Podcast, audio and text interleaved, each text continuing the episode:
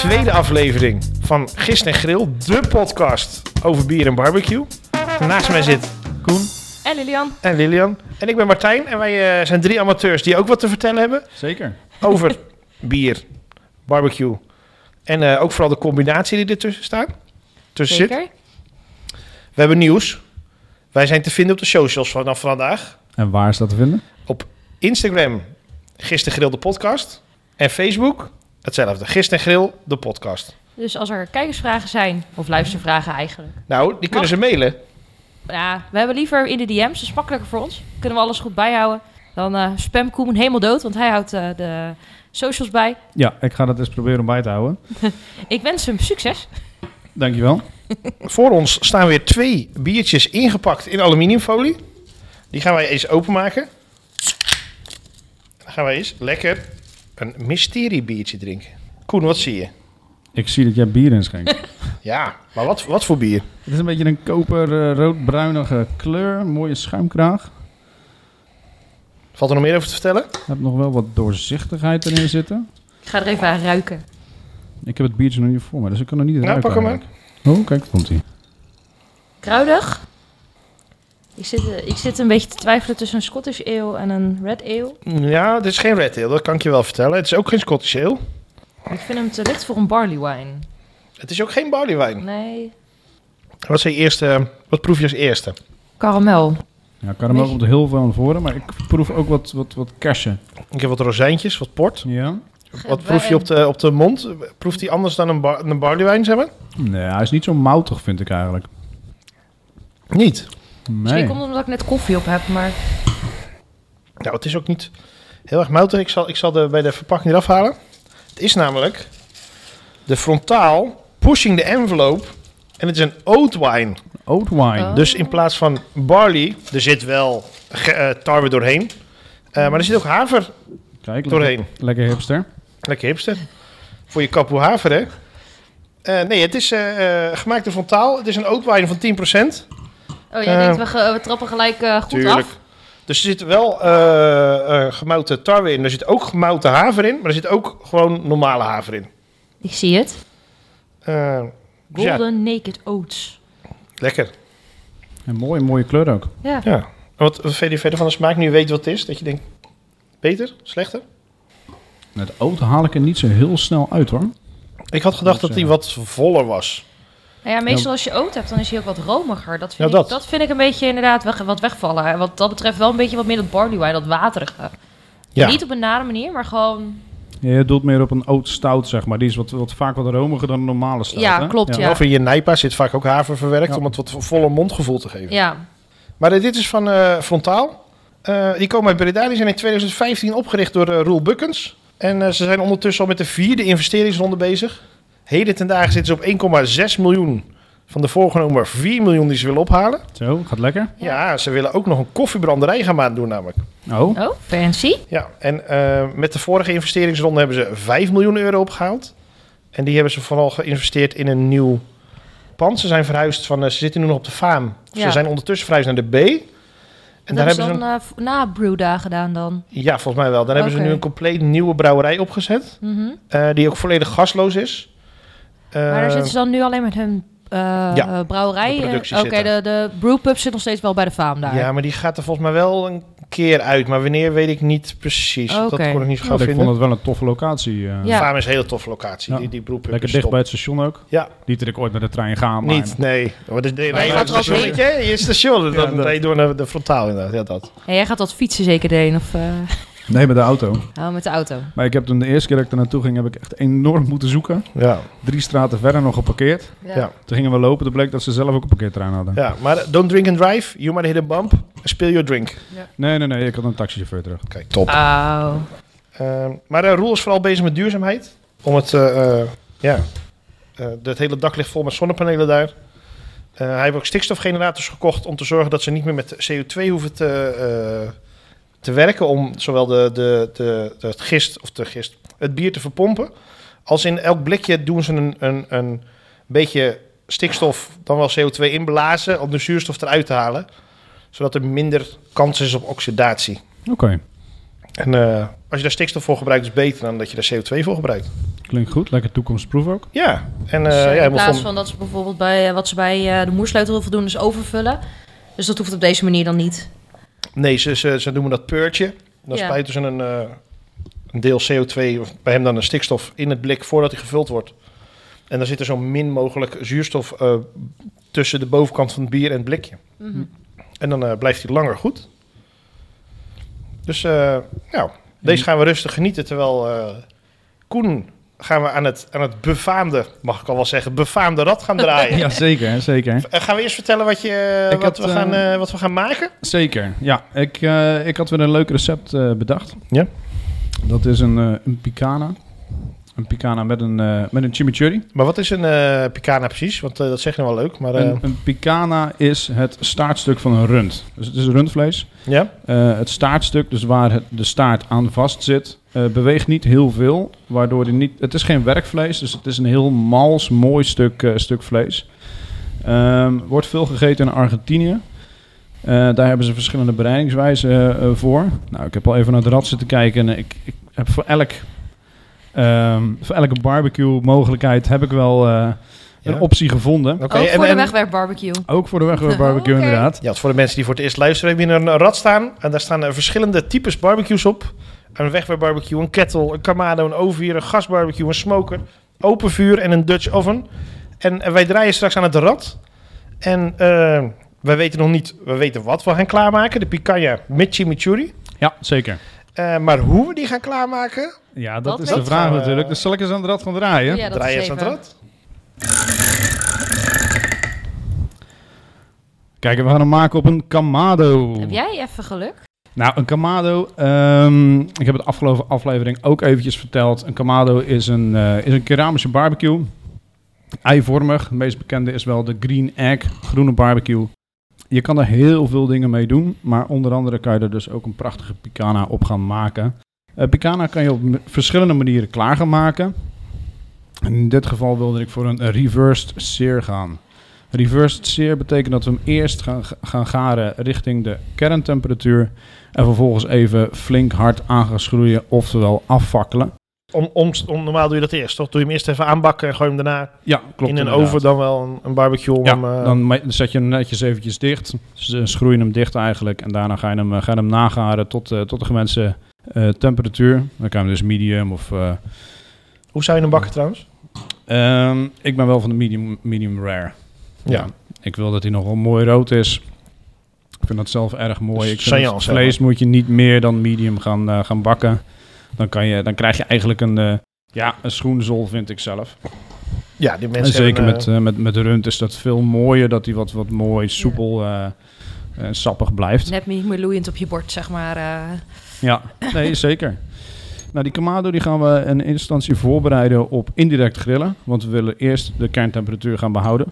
Ehm, daar kan je mooi een ehm, eh, temperatuurmeter in doen. Wat ik overigens altijd aanraad om met kerntemperatuur te werken. in de Dan weet je namelijk exact wat de temperatuur is van het vlees zelf. Maar die steek je in het Die steek je dikste stuk.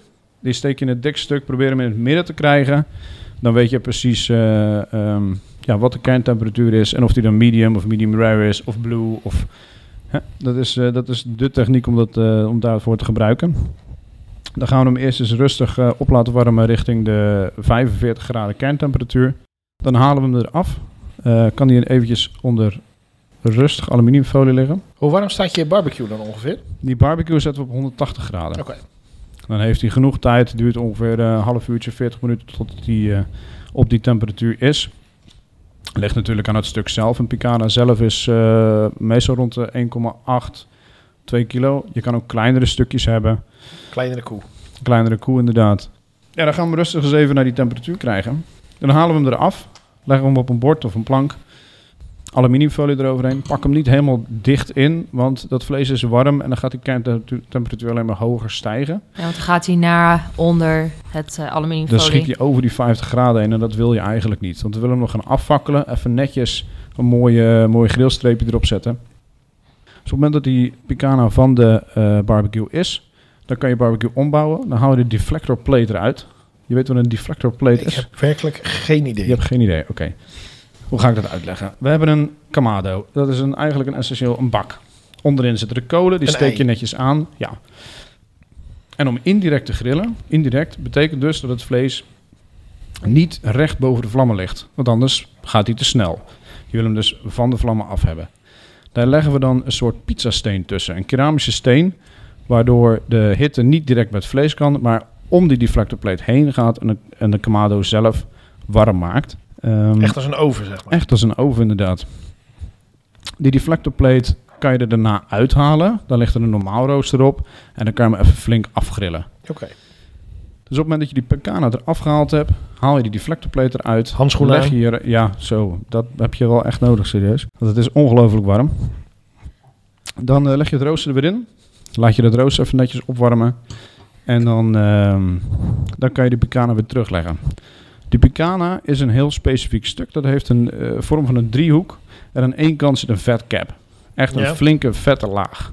Bij het indirect grillen laat je de vetcap aan de bovenkant zitten waardoor dat langzamerhand smelt en dus het vlees bedruipt eigenlijk. Maar op het moment dat we hem gaan afgrillen, zoals we dat ook noemen afvakkelen, dan draaien we hem om boven de vlammen. Dat vet dat gaat druipen, dat, dat jaagt dat die, die kolen aan, daar ontstaan vlammen. Schrik daar niet van, want heel je vlees komt in één grote vuurzee te liggen. Ik vind het zelf altijd wel een heel mooi stuk als, eh, als show-element, zeg maar. Je staat daar vol met die vlammen, sta je daar te stoken. Het vlees erin, een paar keer te draaien. Dan haal je hem eraf. Eventjes kerntemperatuur meten. Ja. Kleine tip. Haal je temperatuurmeter eruit voordat jij hem in die vlammen gooit. Want anders kan je weer een nieuwe kerntemperatuur eh, meter kopen. Op het moment dat hij dan zo'n 50 tot 52 graden is, haal hem eraf. Ja. Onder aluminiumfolie. Eh, laat hem dan nog eventjes 10 minuutjes garen. Nagaren. Dus gewoon, je, je hebt water van de grill, aluminiumfolie eroverheen, je legt hem Ja. neer en je gaat even 10 minuten wat anders doen. Eh, ja, schenk je biertje in, lekker hè. Chimichurri maken. Chimichurri kan nog maken. Dan kan die rustig aan, kan die... eh, Er wordt eh, stiekem eh, even signaal eh, gegooid naar Koen dat hij even moet doordrinken. Voor het volgende biertje wat er eh, zo meteen komt. We hebben even een slokje genomen. Nou ja, als het goed is, heeft Lilian ook een biertje uitgezocht wat heel goed bij de picanha past. Ja. Ja, dat klopt. Dat heb Maar dat ik. komt zo, want Koen gaat Ja, eerst nog vertellen wat je... Koen moet eerst het verhaal afmaken, dat klopt. Vlees moet altijd rusten. Want je hebt dat vlees enorm laten schrikken. Door al die vlammen en al dat vuur. Dat vocht wat op dat moment uit het vlees is gegaan, dat moet weer rustig terugtrekken. Als ga je hem namelijk direct aansnijden, loopt al die vleessappen lopen weg en je hebt een kurkdroog stukje over. Dus laat hem rusten. Geef dat gewoon tijd. Vervolgens kan je hem netjes in mooie plakken snijden en serveren met een chimichurri. Ik heb wel eens gehoord dat je nog op een bepaalde manier moet snijden. Zeker. Het, het is tegen de, tegen de draad in, hè? Haaks op de draad. Ja, haaks op de draad, ja. Vlees heeft een, eh, heeft een draad, hè. een spier heeft ook een, een bepaalde richting. Dat zie je bij stoofvlees heel mooi. net. Bij stoofvlees kan je dat heel netjes zien. Bij andere type, eh, type vlees kan je dat ook goed Maar zien. hoe zie ik dat bij mijn picanha? Ik heb die picanha voor me en dan denk ik, ja, hoe moet ik die gaan, gaan snijden, zeg maar. Nou, je kijkt naar het stuk vlees. Ja. Die, je zou hem ietsjes open kunnen trekken, maar ook bij een picanha zie je, zie je het netjes lopen. Ja, want dat zijn de stukjes waar natuurlijk ook het vet een beetje tussen loopt. Als je een goed marbled stuk vlees hebt, hebt dan zie je natuurlijk waar, de, ja, waar het vlees een soort van is weggesmolten. Dan zie je al de draden al een klein beetje lopen. Ja, maar als je hem nog niet aangesneden hebt, dan zie je het eigenlijk nog niet. Oké. Een eh, goede tip daarvoor is, eh, voordat je hem op de barbecue legt... en je hebt hem net eventjes eh, al voorbereid voordat hij de barbecue op gaat... maak even een klein sneetje erin, dat je het nog goed kan zien. Want voordat hij op de barbecue is, zie je het goed. Komt hij eraf, is het al wat lastiger te zien door de grillstrepen en dergelijke. Ja. Maar ja, het, hetzelfde als, het, het, als een plank hout. Ja, de nerf, zeg Je ziet eigenlijk de nerf, de, de, dat, dat zie je gewoon lopen. Nou, dan kan je hem daarop haaks aansnijden. En waarom snijden we hem haaks? Je wil dat hij zo mals mogelijk is. Snij je hem in de lengte van de draad mee, heb je dus een hele lange draad waar je op gaat zitten kouwen. Dat duurt langer, het mondgevoel is anders. Het lijkt op een heel stug stuk vlees. Ja. Doordat als je hem haak snijdt, heb je een kort stukje draad te pakken. En dat koudt heel snel weg. En dan heb je gelijk het idee dat hij een stuk malser is. Zo'n picana, klassiek Argentijns, gaan we serveren met een chimichurri. Heb je trouwens nog iets gedaan met, met, met, die, met die picanha voordat hij op de, op, de, op de barbecue gaat? De vetcap kan af en toe wat, wat dik zijn. Die Ja. kan wel tot anderhalve centimeter zijn. Ik trim hem zelf altijd ja, om en nabij 10 tot 8 millimeter trim ik hem weg. Heb je te veel vet, dan wordt het een beetje stug, wordt het een beetje lastig. Op het moment dat die eh, onder die centimeter is, dan druipt dat netjes weg. En heb je er na, na het, of bij het eten heb je er minder last van. En hoe heb je hem gekruid? Heb je er alleen zout en peper op gedaan? Of heb je er nog andere kruiden op Helemaal losgelaten? niks. Helemaal niks. Nee. Nou, dat was mijn vraag vooral. Is, heb je nog wat Dat, eh, eh, kruiden of, of iets? Nee, ik marineer een picana eigenlijk niet. Je zou wat zout erop kunnen doen. Eh, je, ziet wel jong- je ziet wel eens jongens die, eh, die, die doen voornamelijk de vetcap zouten. Eh, ik ben daar zelf niet zo van. Ze willen hem dan krokant krijgen. Terwijl ik juist Ja. vind dat die vetcap moet smelten en over het vlees heen moet. Die, dat, dat vet heeft natuurlijk heel veel smaak. Vette smaak. Na het aansnijden, na het, eh, eh, met het serveren, kan je er mooi eh, zoutflakes overheen doen. Himalaya zout en wat peper eroverheen. Gewoon Maar zwarte dat is peper. na het aansnijden. Gewoon zwarte peper, ja zeker. En dan gewoon even vers uit de molen. Zo. Ja, vier seizoenen peper ben ik niet van, want het is niet alleen peper, daar zitten ook besjes door. Daar hou ik niet van. Nee? Nee. Gewoon zwarte peper, ruw gemalen. Hé, hey, maar die chimichurri, Ja. chimichurri is klassiek Argentijns. Dat heeft Zo een lekker. zuurtje erin zitten. Een prachtig mooi zuurtje, wat weer een mooie tegenhanger is bij dat vet. Eh Zo'n klassieke chimichurri is gemaakt van peterselie. Je kan eh, platte peterselie gebruiken, je kan eh krulpeterselie gebruiken en eh, verse oregano. Sommigen gebruiken gedroogd, maar probeer alles zo vers mogelijk te krijgen. Een beetje olijfolie, rode wijnazijn. En eventueel, als je het lekker vindt, kan je er rood pepertje erin gooien. Maar vandaar dat zuurtje van de, van de azijn. van het azijn inderdaad komt dat, komt Moet dat dat echt zuurtje rode wijnazijn zijn? Eh, kan ook appelazijn zijn. Je, je zou wat andere azijnsoorten kunnen gebruiken. Bierazijn? Heb ik nog niet eerder geprobeerd. Appelsiederazijn? Als je bierazijn hebt, wil ik hem daar best een keer mee maken. Nou, nee, ik ken verder niemand die bierazijn maakt. Op Biergeeks waren er ook mensen die azijn plassen soms, maar dat is een ander verhaal. Ja, dat zijn de zure reacties. Ja, dat is weer wat anders. Maar eh, nee, ik denk dat een, een appelsiederazijn zou je daar ook wel kunnen voor kunnen gebruiken, denk ik. Het is ook Ja. wat frisser.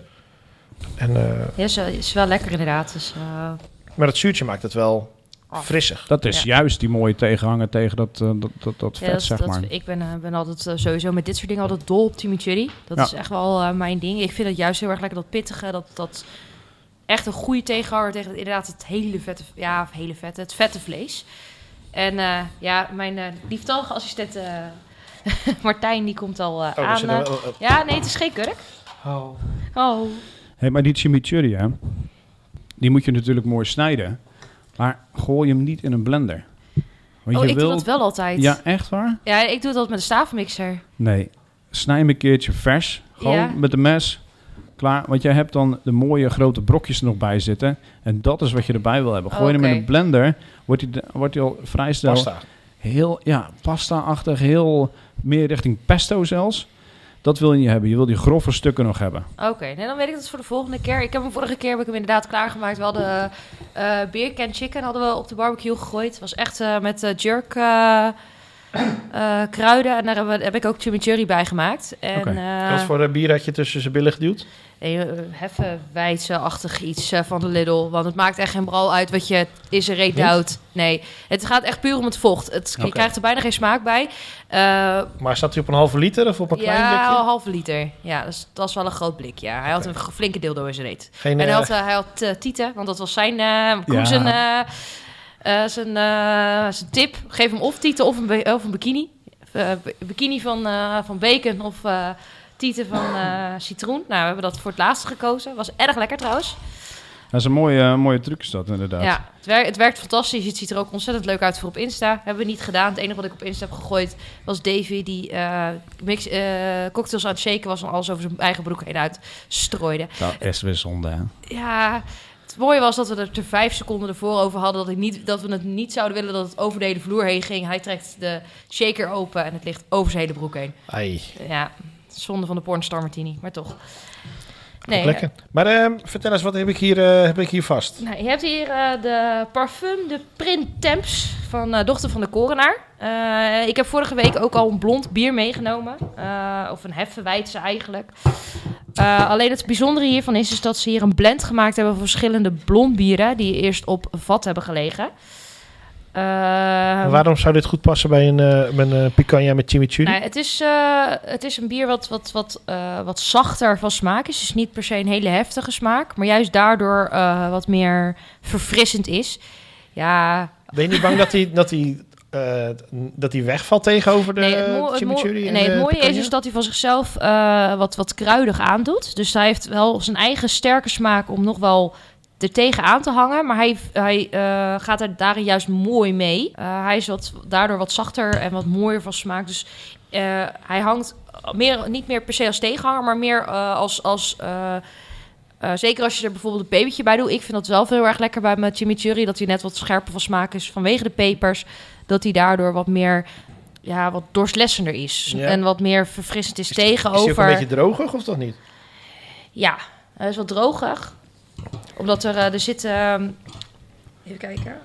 Hij is doordrenkt met lieve vrouwen bedstro. Dat maakt dat hij Oh, wat... dat is uh, Woodruff, ja. Ja, dat is wat, eh, wat droger. Dat zorgt dat hij wat droger is van smaak.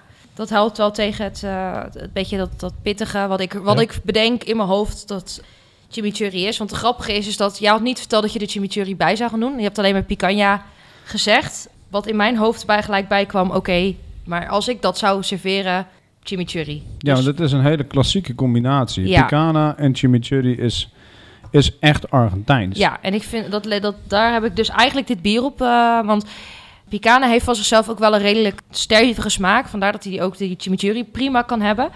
Alleen de chimichurri overheerst uiteindelijk altijd in je mond eh, achteraf. Omdat het natuurlijk toch de knoflook en de kruiden... en als je het pepertje erbij doet, het pepertje toch Nou ja, wel zeker ook het azijn, het, het zuurige en- ervan. ja. Dat ga je echt terugmerken. Ja, dus ik vond dit juist een hele mooie. Want ja, dan had ik wel zuur, iets van zuur bij kunnen doen. Want dat is altijd lekker bij het beetje dat, dat vettige van de picana. Alleen dan heb je dus het probleem dat omdat er zuur in chimichurri zit. Dat, je, dat dat tegen elkaar op gaat boksen. Dat wordt niet lekker. Dus wat je eigenlijk wil is net een tegenhanger daarvan. En dan, dan krijg je wat meer dat droge, dat bittere. Eh, dus daar kwam ik uit bij deze blond. Ja. Ehm, En eh, de dochter van de Corner, eh, waar, Bel- zit het? eh, het is een Belgische brouwerij. Als ik het me even goed herinner. Ik moet heel eerlijk zeggen dat Ja. ik... eh, Ik heb mijn bier inmiddels op, dus ik Barle, ga Barle deze ook Hert- Hertog uit Vlaanderen. Pardon. Ja, gezien ligt Baarle Hertog in Nederland. Dat is een enclave namelijk. Ja. Weet je ook waarom die in Baarle Hertog is gaan zitten? Vertel. Ja, jij weet dat net iets beter dan ik, denk Nou, ik. het is een Nederlander. Mhm. Hij is in Baarle Hertog gaan, gaan zitten omdat hij dan mee mag doen aan de eh, cytologie. Eh, aan daar de, eh, het festival van de cytologie van. Ja. Daar mogen alleen Belgische brouwerijen aan Ah. meedoen. Daarom is die man in Baarle Hertog gaan zitten, zodat het hier technisch gezien een, Een Belgische Belgisch brouwerij is. Ah, Maar het is een, een Nederlandse ja. brouwer. Nee, ik heb hem eh, inderdaad gezien bij, eh bij Borefs destijds. Het is, een, het is een leuke brouwerij. Ja. Hij wordt ook een beetje... Ik heb ook een klein beetje het idee dat hij een beetje vergeten wordt soms. Door al het... Denk ik zelfs. Ja, terwijl ik wel vind dat, eh, dat ja, niet alles wat hun maken is...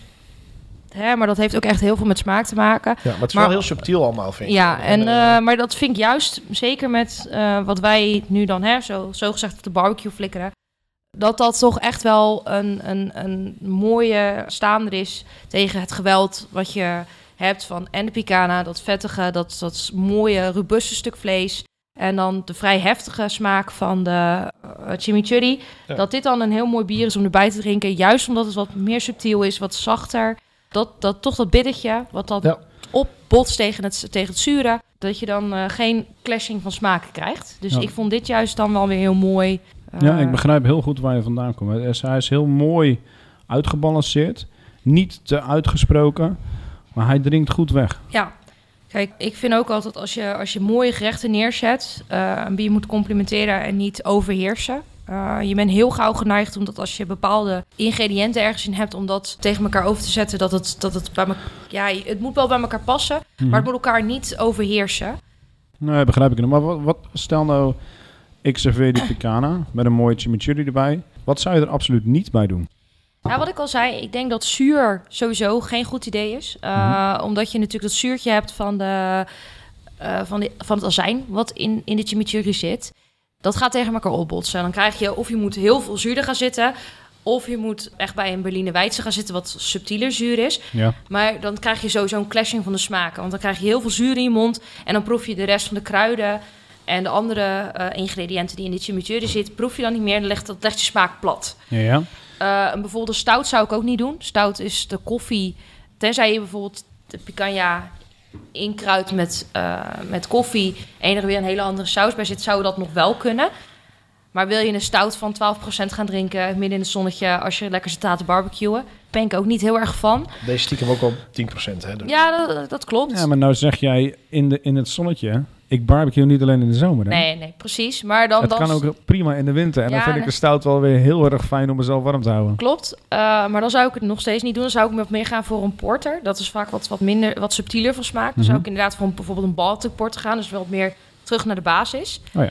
En dan hou je wat meer de koffiesmaak. Wat, Ze zijn wel wat vaak ook zwaarder Baltic sporters dan, dan, ja, dan, maar dan, heb je Engelse wel. porters. ja, maar dan ga ik even niet naar alcoholpercentage kijken. Dan ga ik echt meer kijken naar de smaak. Ja. Eh, Baltic porters, dus echt de standaard porters, eh, is wat meer ehm, subtieler van smaak.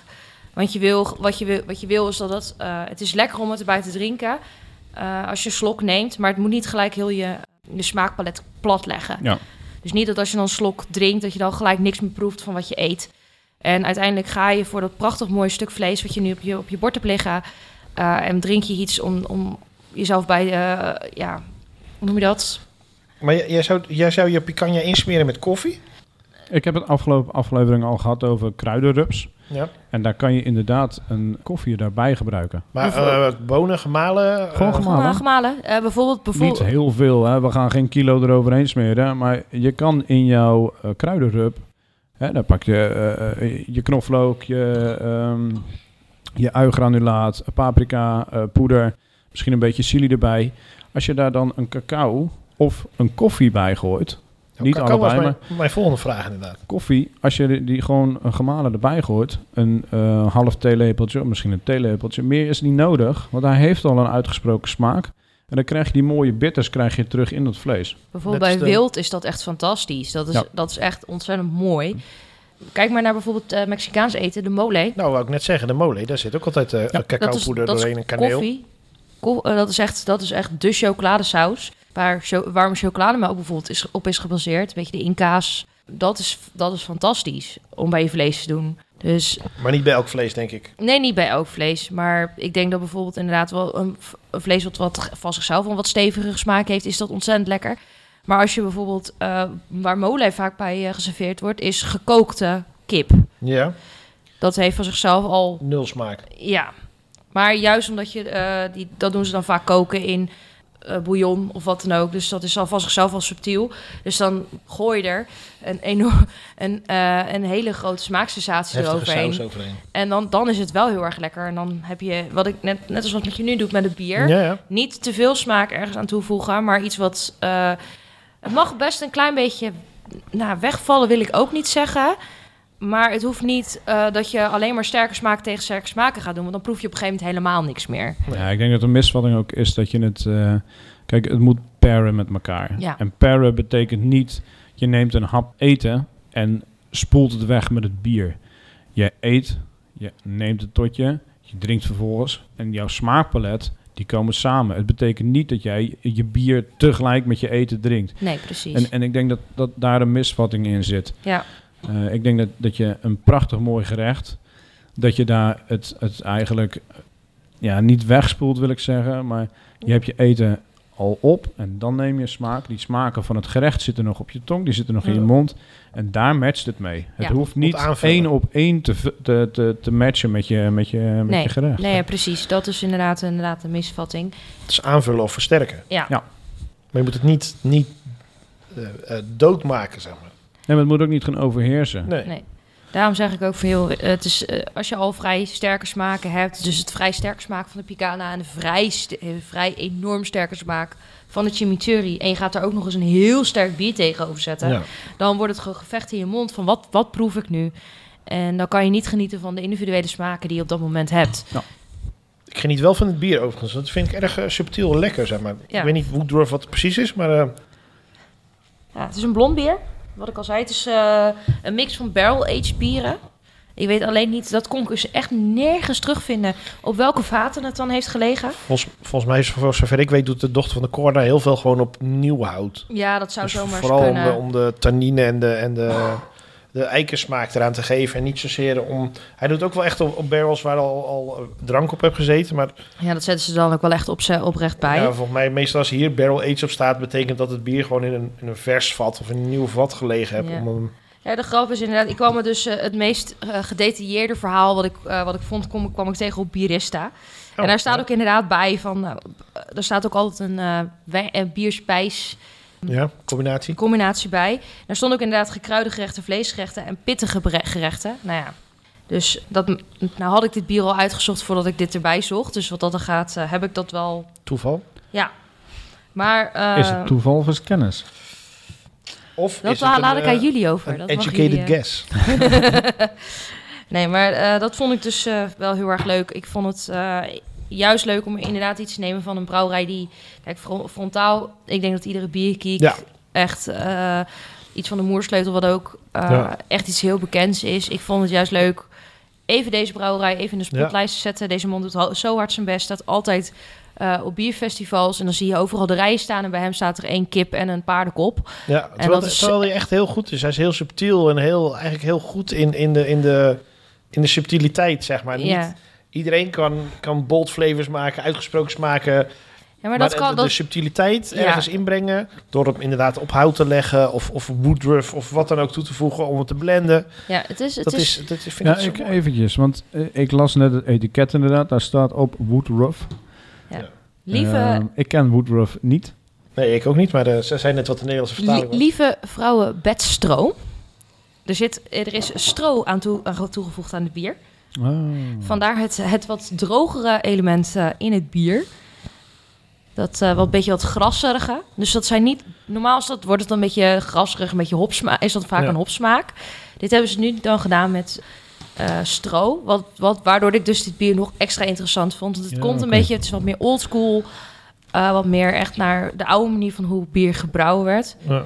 En inderdaad, wat, hij, wat Mart, Martijn net ook al zei. Het is juist leuk. ehm bold flavors hebben, worden we mee doodgegooid op dit moment in de craftwereld. Het is echt Ja. bizar. Eh, het is alleen maar meer, meer, meer. En dat is op zich niks mis mee. Maar af en toe even terug naar de basis is ook altijd wel heel erg leuk. Van hoe zijn ze begonnen met bierbrouwen? Even geen pastry stouts, pastry sours.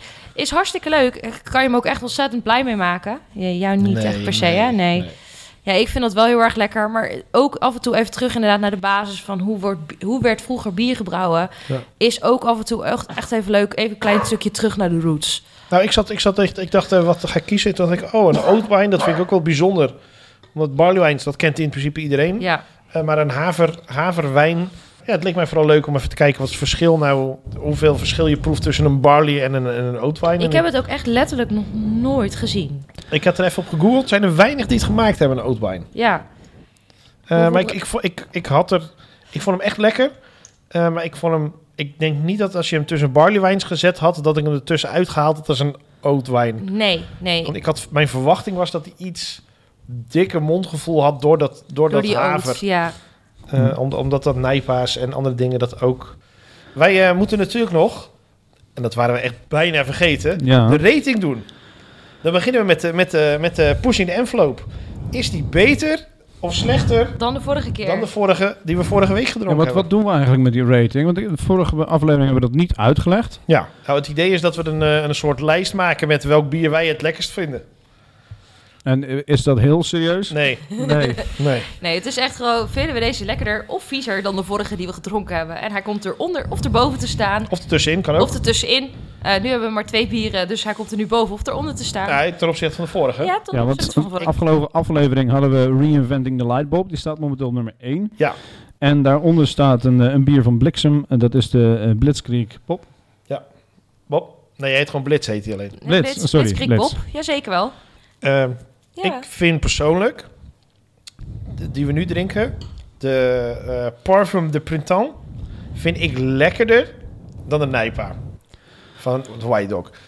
Doet wel pijn in mijn hart dat ik dat zeg, maar een goede Nijpa vind ik ook hartstikke lekker, maar dit is gewoon zo subtiel, zo... Ik, Ja, ik vind, het doet me wel goed dat, dit, dat, dat, dat mijn bier... eh, ja. dat ik Maar ik vind, ik, vind de, ik vind de Pushing the Envelopes wel weer lekkerder dan de Blitz. Want dat was gewoon een, een, een, een prima hoppy wijze. Maar we moesten denken hoe die heette ook alweer. Dat is zoveel, eh, Ja, niet het heeft- af- eh, eh, heeft zoveel niet- indruk had hij niet gemaakt, Nee. zeg maar. Nee, nee, nee. Sorry Bliksem, het spijt me. Ja, sorry. Ja, ik vond de Reinventing the Lightbulb vond ik wel echt heel erg... eh, Ja, die is ook echt heel goed. heel erg goed in zijn smaak zitten. Zoals ik vorige aflevering ook verteld heb. Eh Nijpa is mijn straatje. Eh, die staat bij mij nog steeds bovenaan.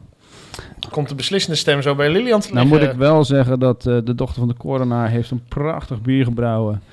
Die, die vind ik, ja, ik vind hem echt wel goed. Ik vind hem echt mooi. Ja.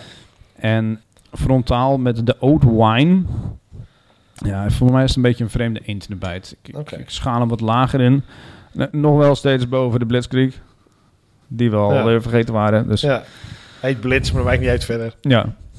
En Lil, Lil. wat is jouw eh, professionele mening? Mijn professionele mening. Eh, Ik vind dit wel echt fantastisch. Eh, Ja. ik, had hem, ik moet ook heel eerlijk bekennen, ik had hem nog niet eerder op. Dus ik heb hem heel erg uitgezocht op eh, wat erop stond en wat ik zelf bedacht dat het ongeveer qua smaak had. En ik ben heel, heel positief verrast. Dus ik vind deze ook inderdaad beter dan de Reinventing the Lightbulb. Ja. Ik ben, ja, ik, ik vind Nijpa's op zich ook prima, maar ik vind hem, vond hem net even te bitter eh, voor een Nijpa. Dus sowieso komt hij in ieder geval boven uh, Reinventing the Lightbulb. Ik moet wel zeggen dat Pushing the Envelope vond ik erg lekker. Dus die gaat voor mij ook eh, boven, ja, sorry eh, Bliksem. Boven de- maar boven de Bliksem, ja. ja, boven Bliksem. Nee, ben ik met je eens. Maar onder de, onder de, onder de Reinventing the Lightbulb. Want dat blijft nog steeds wel echt, echt heel goed. Ja, ik, vond, ik vond hem heel mooi. Ja. Ja, mooi, sorry. mooi in ik, ik balans. moet heel eerlijk zeggen, ik, ik ga hem dan wel boven de Nijpa zetten. Twee tegen één, dus helaas. Dus ik, eh, ik eh, nee, prima. Weet je, we doen hem. eh, ja. Volgens mij staat hij zo er goed op. ja, dus, dit, eh, de, de- momenteel is staat dus bovenaan de dochter van de coronaar. Met Parfum de Printemps. Daarna Reinventing the Lightbulb. Pushing the Envelope van Frontaal. En de Blitz van Bliksem. En Een mooi lijstje zo. week eh, gaan we weer twee biertjes toe... Of volgende week, volgende maand... gaan we weer twee eh, biertjes toevoegen aan deze lijst. En dan is het gewoon weer hoger of lager. En we, we delen dit, deze lijst wel op Instagram. We zetten hem wel als tweede. Dus voor de mensen die echt anti-spoiler zijn... Hij zit achter de swipeable. Dus je moet hem... Je, Moet hem als je, je ziet hem niet gelijk. Dus je kan gewoon rustig scrollen. Geen eh, wie is de mol of heel Holland bak tevreden dat je al weet wie de winnaar is voordat je het gekeken hebt. Ja, je kan eerst even naar ons hoofd eh, kijken. Ja. En dan eh, Vooral heel Ben je dan heel geïnteresseerd. Dan zie je de lijst ook gelijk staan. Ja. En eh, ja, die, die, eh, daar, daar kan je ons vinden. Dus op Instagram Gist en Grill met dubbel L, de podcast. En ook eh, op eh, Facebook Gist en Grill, de podcast. Zeker. En e-mailtjes mogen naar gist en grill met dubbel L at gmail.com. Ja, of stuur een DM'tje via Insta. Dat mag ook altijd. Jongens, het was weer gezellig. Ja, Tot proost. de volgende keer weer. Cheers. Cheers. En eh, tot de volgende. Tot de volgende.